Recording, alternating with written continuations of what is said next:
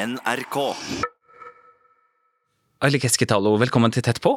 Og Logito, tusen takk for det. Du er eh, sametingspresident. Ja, eh, ennå en stund. Ennå en stund. ja. For du eh, går av du nå, du tar ikke gjenvalg. Eh, Det stemmer det, det har jeg gitt beskjed om. Sånn at nå har jeg et drøyt halvår igjen i, i denne rollen. Ja. Hvorfor i alle dager tar du ikke gjenvalg? Nei, det er flere grunner til det. Det er en blanding av personlige grunner og, og politiske grunner. Og eh, det hører jo med til historien at eh, om et eh, halvt år eh, så vil jeg faktisk være den sametingspresidenten som har sittet lengst. Sånn hvis man eh, overser de periodene der jeg ikke har sittet, for å si det sånn. Da ville jeg ha vært eh, president i ni år. og det er jo en ganske lang periode av både mitt liv og av samepolitikken, så jeg tenker eh, det holder. Alt i sin tid. For nå hadde du en mulighet til å sette en rekord som nesten er uslåelig, sånn sett. Ja, men det, det er ingen, ingen målsetning i seg, i seg sjøl. Jeg har lyst til å slippe til de mange ivrige, yngre talentene som, som jeg har fått lov til å jobbe sammen med i mange år allerede. Jeg vil liksom ikke være en sånn der flaskehals eh, for dem. Så eh, når jeg ser så mange som ønsker og, og har mulighet og har evner til å ta ansvar, så tenker jeg at det kan være klokt. Hva skal du gjøre da, når du er ferdig? Nei, det er jo litt usikkert. Jeg, jeg har jo ingen, ingen fast jobb. Og jeg forsøker å ikke tenke for mye på det. Men det er klart jeg får mange, mange spørsmål om det. Eh, Og når man hele tida blir utfordra på det, så, så begynner man så smått å tenke på det også. Og jeg vet at det, det er stort behov for um, ulike typer arbeidskraft og kompetanse i det samiske samfunnet, så jeg er ikke, jeg er ikke redd for at jeg ikke skal finne noe å gjøre. Men jeg håper å bruke litt, eh, kunne bruke litt tid på, på å finne ut hva som er riktig for meg i, i den fasen av livet som jeg nå går inn i. Mm. Men det blir i hvert fall i det samiske samfunnet. Ja, det er jeg temmelig sikker på. Aili, vi la merke til den samme Facebook-posten, faktisk, rett i forkant av 6. februar. Og vi fikk en utfordring på, som går på det er veldig bra å fokusere på de som tar og har tatt språket tilbake igjen, men hva med de som har måttet kjempe? Eh, og som kjempa for å holde språket levende. Ja, det var en veldig viktig Facebook-post som en, en bekjent eh, skrev, som jeg kjente at ja, den, den traff. Fordi vi blir så glad når noen av dem vi på en måte har mista gjennom generasjonene, både ønsker og lykkes med å komme tilbake. Og da blir vi veldig, veldig glade for det. Og vi ønsker å fremheve det, det gode budskapet og de erfaringene for å vise at det går an. Det går an å f.eks. lære seg samisk, det går an å finne tilbake til sin kulturarv og prøve å knytte båndene til fortida på en måte. Og det er veldig sånne positive budskap som både vi som politikere, men også media, elsker å løfte fram. Og jeg vet jo av egen erfaring hvor mye kred jeg har fått for å ha tatt samisk tilbake, kan du si. Men vi må ikke glemme dem som har stått i det hele tida. Dem som tok eh, aktive valg på, på et tidspunkt da det ikke var noen selvfølge, om f.eks. å fortsette å snakke samisk, om å fortsette å bruke kofte. Tviholde på kulturarven også når det var vanskelig, også når det medførte f.eks. at man, man kunne bli gjort aktivt narr av, når man kunne bli rett og slett irettesatt av øvrigheter, av skolen for, eksempel, for å snakke samisk til sine barn. Dem som gjorde det likevel. For det er jo dem som har holdt språket og kulturarven ved like og i livet, eh, sånn at det er mulig for f.eks. meg, eller deg, eller hvem som helst ellers å, å ta det tilbake. For hadde ikke dem gjort det, så hadde ikke jeg klart det, eller ingen andre klart det. Og jeg syns at ja, vi må ikke glemme dem, fordi at de har også betalt en pris. Og det å gå glipp av utdannings- og karrieremuligheter for å, for enten ikke kunne norsk godt skriftlig, muntlig, eh, og også på en måte vært en sånn der siste skanse mot fornorskninga. Og de har sett kanskje slektninger og verdet og venner snu ryggen til det samiske, og har på en måte blitt alene igjen. Det har kanskje hatt både en pris sånn sosialt sett, det har hatt, sikkert hatt en pris eh, både sånn yrkesmessig, økonomisk ikke minst. Det er en viktig påminnelse eh, om ikke bare å feire dem som tar aktive grep for å revitalisere, men også feire dem som har tatt aktive grep for å, for å vedlikeholde og bevare. Er det noen spesielle du har i tankene, eller?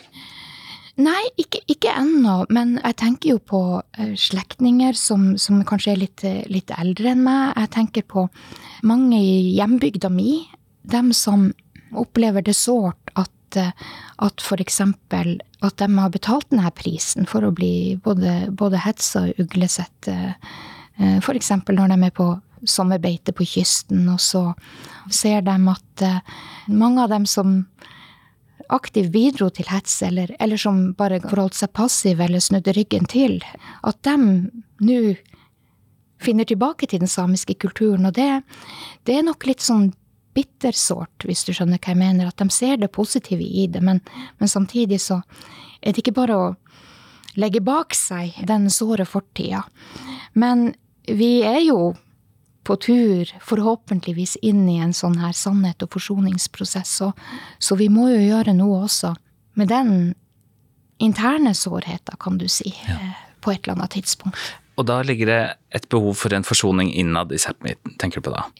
Ja, jeg tror vi har behov for mange ulike forsoninger også inn, inn, innad i Sápmi. fordi at det er jo sånn at eh, Fornorskningspolitikken den har ikke bare kua oss som folk, den har også splitta oss og behandla oss på ulike måter. Og det har ikke bestandig vært helt lett å håndtere. Vi har nylig lært mye om hvordan eh, sår som er skapt av tvangsforflytningene. De ulike språkområdene har ulike erfaringer, så det er helt klart, er helt klart en del eh, en del såre prosesser jeg tror vi fortsatt må igjennom hvis du skulle eie jord og drive gård, mm. så måtte du snakke norsk, egentlig, ifølge loven. Mm. Og, og, bytte etternavn til et norsk etternavn. Det er interessant du, du nevner det her med etternavnene, fordi at både jeg og du har jo sånn her majoritetsspråkets etternavn. Ja, ja. Eh, selv om mitt, mitt, er finsk, det er kanskje ikke som alle som, som skjønner det, da. Det høres bare fremmed ut. Men eh, det er jo noe med det her om at navnet ditt, det er jo identiteten din, du viser den til, til resten av verden, og de prøver å liksom lese hvem du er ut av navnet ditt. Og da er det jo eh, litt rart å ha det navnet som sender helt andre signaler enn det man egentlig er, og at du, du gjerne må være en same med, eh, som, for å skjønne det, hvordan det henger sammen. Og siden jeg har Geskidalo, som er et, et finskspråklig etternavn fra en av mine eh, oldefedre. Noen tror jo at jeg er kven, og noen hevder hardnakket at jeg er kven. og det er ikke det at det er noe galt i å være kven, men det er jeg altså ikke. Eh, men det for å hevde det, at etternavnet ditt forteller alt om hvem du er Eh, så må du jo være ganske eh, blind for, for både hvordan historien har behandla samer, og samiske navn og samiske etternavn, i den grad vi hadde det. Og, men også hvordan historia har, har behandla kvinner. For det er liksom sånn her at den her ene oldefaren min fra finsk side, rett over grensa faktisk Ja, jeg har tilfeldigvis hans navn. Men det har jo vært mange kvinner også i slektsleddene. Eh, og mange kvinner med samiske navn. Mm. Men fordi at det var mannens navn som, som telte veldig lenge, så har det her Keskitalo-navnet da blitt overført fra generasjon til generasjon. Ja. Ja. Men jeg har jo tenkt veldig mye på det, at burde burde jeg kanskje egentlig skifte navn? Ja, det var det jeg skulle spørre deg om, skjønner du. ja, ja og, og, og, jeg er ikke helt landa det, det ennå. Jeg, jeg, vurderer faktisk det. Fordi at det var en, en kollega og en venn som sa det til meg sånn at det er noe av det sterkeste du gjør. Hvis du er inne i en sånn her avkoloniseringsmodus, så er det å skifte navn, det gjør noe med deg sjøl.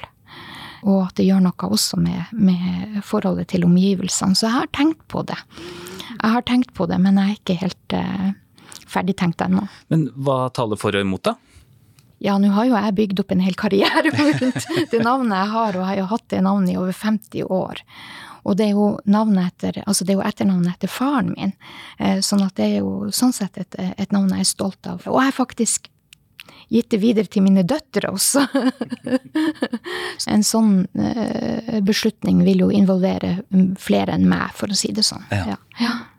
Ville det vært et spennende signal å sende ut å bytte navn rett før du gikk av som president? Ja, eh, ja kanskje. Eh, for å, for å signalisere at nå legger vi politikeren bak oss.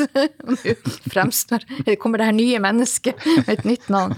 Ja, det, det, er jo verdt å tenke over, ja. Eh, sånn her timingmessig. Men det her er, det her er Det er litt heavy stuff, altså, egentlig, fordi at navnet er så mye historie, identitet, slektsidentitet, kanskje spesielt i det samiske samfunnet. Men jeg har jo mer og mer også begynt å bruke mitt samiske navn, for å si det sånn. Og da har jeg valgt, siden det her offisielle navnet mitt, Aili Geskidalo, er fra, fra min fars side, så har jeg valgt å fokusere på morssida mi i det, det, samiske navnet som, som jeg bruker. Da, da er jeg Petar Heika Elemaraha Aili. Altså det er Petter sin Henrik sin Elmarit sin Aili. Ja, eh, ja, så da er det, det er liksom hennes eh, hennes slektslinje, eh, min mors slektslinje, som blir beskrevet gjennom det. Og det, da har jeg liksom med meg begge sidene av slekta når jeg bruker de navnene parallelt. Så det syns jeg er litt fint. Ja, ja, ja. Men hvilke settinger bruker du det navnet i, da? Noen ganger presenterer jeg meg som Betarheika eller Marahaili i, en samisk kontekst. Og nå når jeg begynner å pusse opp CV-en min, altså, så står det i CV-en. Og faktisk så har vi jo innført i denne perioden en ny tradisjon på Sametinget. Det er jo at uh, vi har registrert eller samla inn da de representantene som har et sånt samisk eh, navn. Sånn at uh, når, når Tor Gunnar Nystad leder møte på samisk. Eh, han er jo nestleder i plenumsledelsen. Så bruker han konsekvent de, de samiske navnene når han da gir eh, representantene ordet. Og det syns jeg er veldig fint. Ja. Det, så kult. Ja, og det vet du, det er jo litt rart at det skulle gå så mange år før vi faktisk eh, gjorde det på Sametinget. Så det er også en del, altså det er jo et sterkt signal der om at vi, vi, vi har en jobb å gjøre for å samifisere vårt eget system. Du har jo snakka om det flere ganger før, at, at, du lærte deg jo samisk da. Og, og som du sa tidligere nå, så, så, har du fått mye positiv oppmerksomhet for det.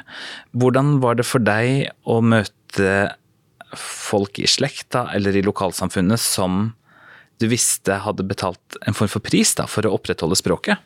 Det å ta språket tilbake, det uh, har veldig mange positive sider. Uh, og uh, jeg oppfatter at, at mange setter stor pris på det, av, av samiskspråklige. Setter stor pris på at de ikke trenger å snakke norsk til meg, hvis du skjønner. Mm. At de oppfatter det som, som en gest også. Eh, at de får lov å bruke det språket som, som de kan best og ønsker å bruke og er mest komfortabel med eh, til meg, selv om, selv om, jeg ikke snakker det like godt som dem, så er det også en sånn der uttrykk for respekt, mm. eh, oppfatter jeg at mange, mange syns det er. Så kan man jo også møte litt andre reaksjoner, at, at noen syns jeg ikke er flink nok. At jeg burde kunne bedre, jeg som er president og alt mulig. Ja, ja, men, men jeg har jo for lenge siden forsona meg med at hvis du skal gå den veien, med å ta språket tilbake, så må du være forberedt på en del ydmykelser, ikke sant? da er du ikke helt sjef. Da kan du kløne det til og, og si ting feil og ikke ha, bruke de rette ordene eller rette kasusene og sånn der. Men jeg er ferdig med det der. Men, og det er en befrielse, skal jeg fortelle. Det er en befrielse å bare tenke at nei, ok, nei, det er perfeksjonismen må bare Den fins ikke lenger for meg, for det, det, det, det, er et håpløst ideal. Jeg kan ikke leve opp til det. Jeg må bare forsøke å gjøre mitt best. Hva var nøkkelen for at du kom til det, til det deilige punktet du er på i dag, da?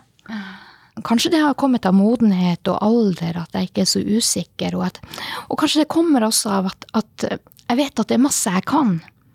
Det er masse jeg ikke kan. For eksempel flå en rein og alt sånt der. Masse sånn tradisjonelt arbeid som jeg ikke kan. Men jeg vet også at jeg er skikkelig god på en del andre ting. Og når man bare, når man bare uh, erkjenner at, at, at, man blir ikke den her perfekte samedama, hvis du skjønner, som kan alt og behersker alt, så ja, da, da er det jo det. Det gjør at man senker skuldrene litt. Og, og, og bare tenker at ja, jeg er bra nok til mitt bruk. så det er nå Men for meg var det veldig viktig, det å få barn. Det er jo litt sånn her sannhetens øyeblikk. Og, du, og, jeg kunne ikke gjøre det sånn at jeg bare snakka samisk til dem hjemme i stua. Hvordan skulle jeg forklart det til dem at jeg i butikken plutselig snakka norsk til dem? Ja. Så du må bare tøffe deg opp, og så gjøre det, og så, ja. Det samiske språket for meg, det er som et et knust speil. Og jeg prøver å sette det sammen. ikke sant? Jeg finner bitene, og så setter jeg, pusler jeg det sammen. Og, og jeg greier å, å lage et, på en måte et speil ut av det, men det er fortsatt eh, de her, de her Altså de her hvordan, hvordan, skal man si Kantene, på en måte? Ja, kantene og de her, de her konturene. Så det, det er sprukket det speilet. Det er der. Men jeg, jeg greier å se meg sjøl i det. Men det sprukket så speilbildet, det blir ikke helt, helt perfekt. Mm. Og sånn, sånn, har det vært for meg å, å finne tilbake til det, det, samiske språket. Det at jeg har det her sprukne speilbildet. Så det er ikke perfekt. Men jeg ser jo meg sjøl i det likevel. Ja. En av de viktigste konsekvensene av at du har rekonstruert ditt speil sånn sett, er jo Eh, effekten det har for dine barns speil. Ja, og jeg kan jo håpe at deres speil har færre sprekker enn mitt speil. Det er jo det jeg håper på. Mm. Mm. Som sametingspresident så er du den tydeligste talspersonen for et folk. Og du møter jo all verdens slags mennesker med forskjellig bakgrunn og forståelse og innlevelse. Du taler i FN, og du møter journalister, og du møter statsledere og urfolk fra hele verden osv. osv.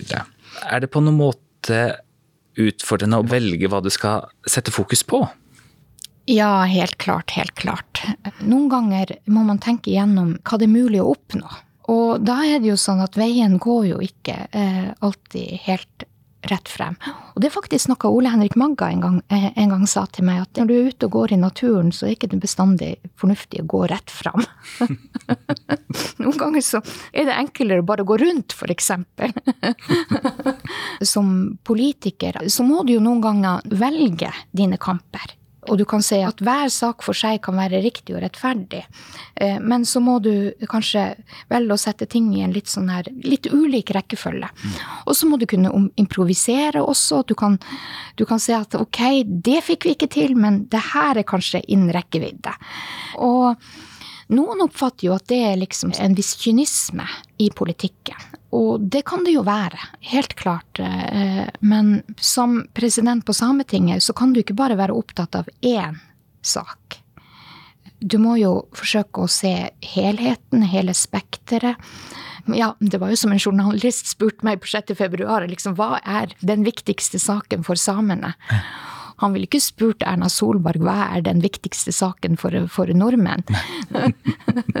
for som statsminister så må jo hun evne å se bredden i saker som er viktig for, for det norske folket. Mm. Og jeg syns heller ikke at det er riktig at, at, jeg skal plukke ut én sak som er viktig for samene. For vi er opptatt av veldig mange ulike saker.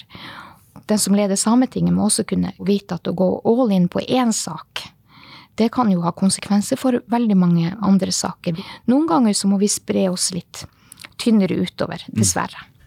Aili, du, du, tok opp i nyttårstalen din et på mange måter et spennende paradoks. Kan ikke du hjelpe oss å forstå hva er dette paradokset som du tenker på? Ja, det er noe som jeg har, jeg har grubla litt på over tid. fordi at det er jo litt rart at vi på den ene sida opplever så mye positivt når det gjelder samisk synlighet i, i det offentlige rom, skilting, mange samiske artister som, som slipper til på nasjonale scener og, og gjør suksess, og, og, samisk kunst gjør suksess i, på, på internasjonale utstillinger, og mye positiv respons på det å være synlig samisk, kan du si. Og det er mye positivt som, som skjer, og det er ikke til å stikke under en stol. Men samtidig så har vi et økende press på samiske næringer, på samiske tradisjoner, og nordområdene er mer åpne enn noensinne for ressursutvinning. Og vi vet at den ressursutvinninga som, som, man ser for seg, noe av det er ny industri som vil være i konkurranse eh, om arealene med, med samiske næringer. Det kan være vindkraft, det kan være mineralutvinning, det kan være ulike typer sånne infrastrukturprosjekter som, som kraftlinjer eller, eller, jernbane. Eh, paradokset er at det her skjer samtidig. Det skjer samtidig, sånn at på ene sida så er vi den her stolte samen som blir hørt og sett. Og på den andre sida så er vi også det her offeret for den industriutviklingen som vi på en måte ikke greier å bremse. Eh, og det her skjer samtidig, og jeg har noen ganger litt problemer med, med, å forstå at det er, det er to sånne strømninger samtidig i samfunnet. Mm. Men uh, den her samiske forskeren fra finsk side, Veli-Pekka Lehtola heter han, han satte litt ord på det under, under en paneldebatt. Han kalte det da to parallelle diskurser den ene diskursen, der var vi liksom offeret. og i den andre diskursen så var vi mer sånn her myndiggjort og sterk og tydelig og dekolonisert, kan du kanskje si. Mm. Da ble det litt lettere for meg å forstå at det er kanskje to sånne parallelle strømninger, to parallelle debatter. Mm. Eh, som pågår. Og noen ganger så smitter de litt over på hverandre. Eh, vi vil helst være i den ene, tenker jeg. Den der, der vi er sterke og tydelig og samisk og eier oss sjøl, på en måte. Mm. Men vi kommer ikke unna den andre. Eh, den der vi er i veien, der vi er fordømt som, som bakstrevers og i veien for utviklingen og er i ferd med Ja, er maktesløs. Og, eh, og, noen ganger så smitter de her litt over i hverandre også. Da, da blir situasjonen veldig uoversiktlig. Men jeg er ikke helt ferdigtenkt når det gjelder hva det betyr, og hvordan man skal håndtere det. Men det jeg er veldig glad for, er jo at den strømninga der vi faktisk ikke er ofre, men der vi overlever overleverne og, og, veldig gutsy. Mm. At den, den, finnes, fordi at vi trenger den også. Man vil jo ikke stå i veien for utbyggere og utviklere hvis man ikke krever noe plass. Altså, ja, ikke sant? Ja. Så hvis man er i byen Ja, det er enklere. Ja, ja det, det, det har du helt rett i. Jeg vet ikke om du har hørt om uh, det her uttrykket 'gladsamen'. At uh, det er jo mer behagelig for majoriteten å forholde seg til den samen som, som er glad og fornøyd. ja, ikke sant. Som ikke, ikke krever. Som, ja, som ikke, som ikke er sur og vanskelig. og jeg har faktisk lurt på noen ganger om ja, land og ressurser, det er konfliktfylt stoff. Språk og kultur er det er det også, ja, dessverre, til en viss grad. Eh, men man skulle jo tro at majoriteten eh, kunne tenkt at ja, men de får holde på med språket sitt og kulturen sin, og ja, ja, la dem nå holde på med det. Gi dem penger, så blir de for opptatt med, med de der greiene.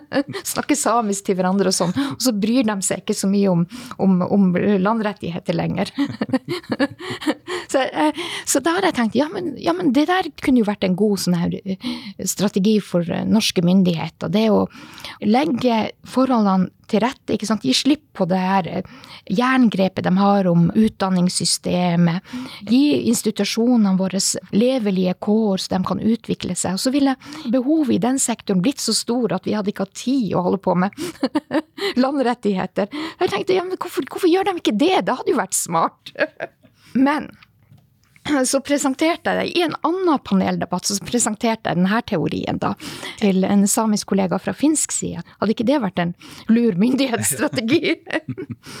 og så sa hun til meg, nei, men Aili, du vet jo like godt som meg at en same som kan språket sitt, og som kan kulturen sin, og som har en sterk og tydelig identitet, det er jo ikke en same som gir slipp på sine rettigheter, heller ikke til land og vann. og det er vel sannsynligvis derfor de, man ikke gjør det, da. At man skjønner at, at det blir ikke mer, mer gladsamer av den strategien. Så kanskje du burde gått inn som strateg for regjeringa og anbefalt den teorien her? Ja, ja nå har jeg jo servert den her, så er jo, den er jo åpen for, for, alle å benytte seg av. Men, men som sagt, det, det, den har nok en slagside. men si at du er en same, hvor dine forfedre har vært i reindrifta i alle år. Og så må du ut. Da vil jo veien til å bli liksom den herre fornøyd mm. sammen være fryktelig lang, da. Mm. Ja, jeg skjønner veldig godt den her, her, det her ønsket om å viderebringe arven eh, fra, fra dine forfedre. Eh, det, det, det, greier jeg fint å se. Men samtidig så er jo den historien du her formidler, er jo historien til mange generasjoner samer. Og jeg har jo sjøl en mor som kommer fra en reindriftsfamilie. Eh, der det ikke var plass til hoder i reindrifta. Sånn at det, i, i, alle generasjoner så har man jo hatt en sannsynligvis ulike typer av avskalling. Altså, noen fant seg andre ting å gjøre, for å si det sånn. sånn at det er ikke noe ukjent fenomen i det, i, i det samiske samfunnet. Og det, det syns jeg jo er veldig viktig å formidle. at eh, vi har ofte her fokuset på at vi, vi, vi, trenger så mange arbeidsplasser. Altså det er arbeidsplasser vi mangler i det samiske samfunnet. Men la oss nå være ærlige og si at vi, vi trenger jo arbeidskraft. det er jo det vi mangler. Altså, vi trenger samiske sykepleiere og samiske lærere og samiske barnehagelærere og samiske ingeniører og alt mulig rart. Sånn at det samiske samfunnet har virkelig bruk for deg og din kompetanse nesten uansett hvilken utdanningsvei du ville velge. Og har du f.eks. kompetanse fra reindrifta i tillegg, så er det massevis av, karrieremuligheter der det kommer til nytte. Så vi må ikke se på det som at det bare finnes én mulighet, eller bare én mulighet til å realisere seg sjøl som same. Det, det, det, finnes, mange muligheter. Og det tror jeg kanskje vi må være flinkere til å, til å formidle til ungene våre. Nå som du snart går av som president, er det noe som du tenker at du ikke har oppnådd? ja, masse. Jeg kan jo si det sånn at en av de personlige årsakene til, til, at jeg tenker at jeg ikke skal stille til valg igjen, det er jo det her at som politiker eh, så blir du jo gjerne spurt hva dine hjertesaker er. Og nå kan jeg jo avsløre at eh, jeg har det, de samme hjertesakene nå som jeg hadde eh, som for 20 år siden. Så svaret har jo ikke endra seg så mye. Og det er masse jeg ikke har kommet i havn med. Og så er det mye jeg har kommet i havn med som, som jeg ikke hadde trodd skulle skje i det hele tatt. Det som var det? ja, for eksempel nå håper vi jo at vi får en lovfesting av konsultasjonsplikten. Og da jeg begynte i politikken, så var jo konsultasjonsavtalen eh, ganske fersk. Altså, det har skjedd en del, en del ting som, som, jeg egentlig ikke hadde kanskje fantasi til å forutse, men, men som kom til etter hvert. Det er jo artig å se. Jeg tror at noe av styrken i samepolitikken er jo at vi er jo vant til å håndtere at at noen saker tar et livsløp. ILO-konvensjonen og FNs urfolkserklæring og, og ja, også Sametinget, ikke sant. De sakene ble ikke bygd i løpet av én sametingsperiode, for å si det sånn. Det er generasjoners arbeid. Det er generasjoners arbeid. Og jeg tror at nettopp det å, å være same, eller da, i sånn internasjonal kontekst være urfolk, så er vi mye flinkere til å til å se det der. At vi, vi, er bare en fortsettelse av den innsatsen som våre forfedre har gjort. Jeg tror vi ser det lettere enn norske politikere mm. gjør. Vi har en litt mer sånn ydmyk holdning til det at ok, vi kan ikke forvente å nødvendigvis se, se resultatene av et livsverk, men det er viktig for det. Det er viktig for det. Og jeg er bare fortsettelsen av det arbeidet som, som, noen har gjort før meg, og det vil fortsette også etter meg. Og, og, det er greit. Om jeg ikke har lykkes med alt, og det er mye jeg ikke har lykkes med, så er det, det, det er ikke bortkasta, for noen vil ta opp den tråden og føre det videre. Ali Keskitalo eller Pietareika eller Mara Aili. Tusen takk for at du var med i Tett på. Gito, tusen takk for at jeg fikk komme. Jeg heter Svein Lian. Tett på fra NRK Sápmi er produsert av En til en Media.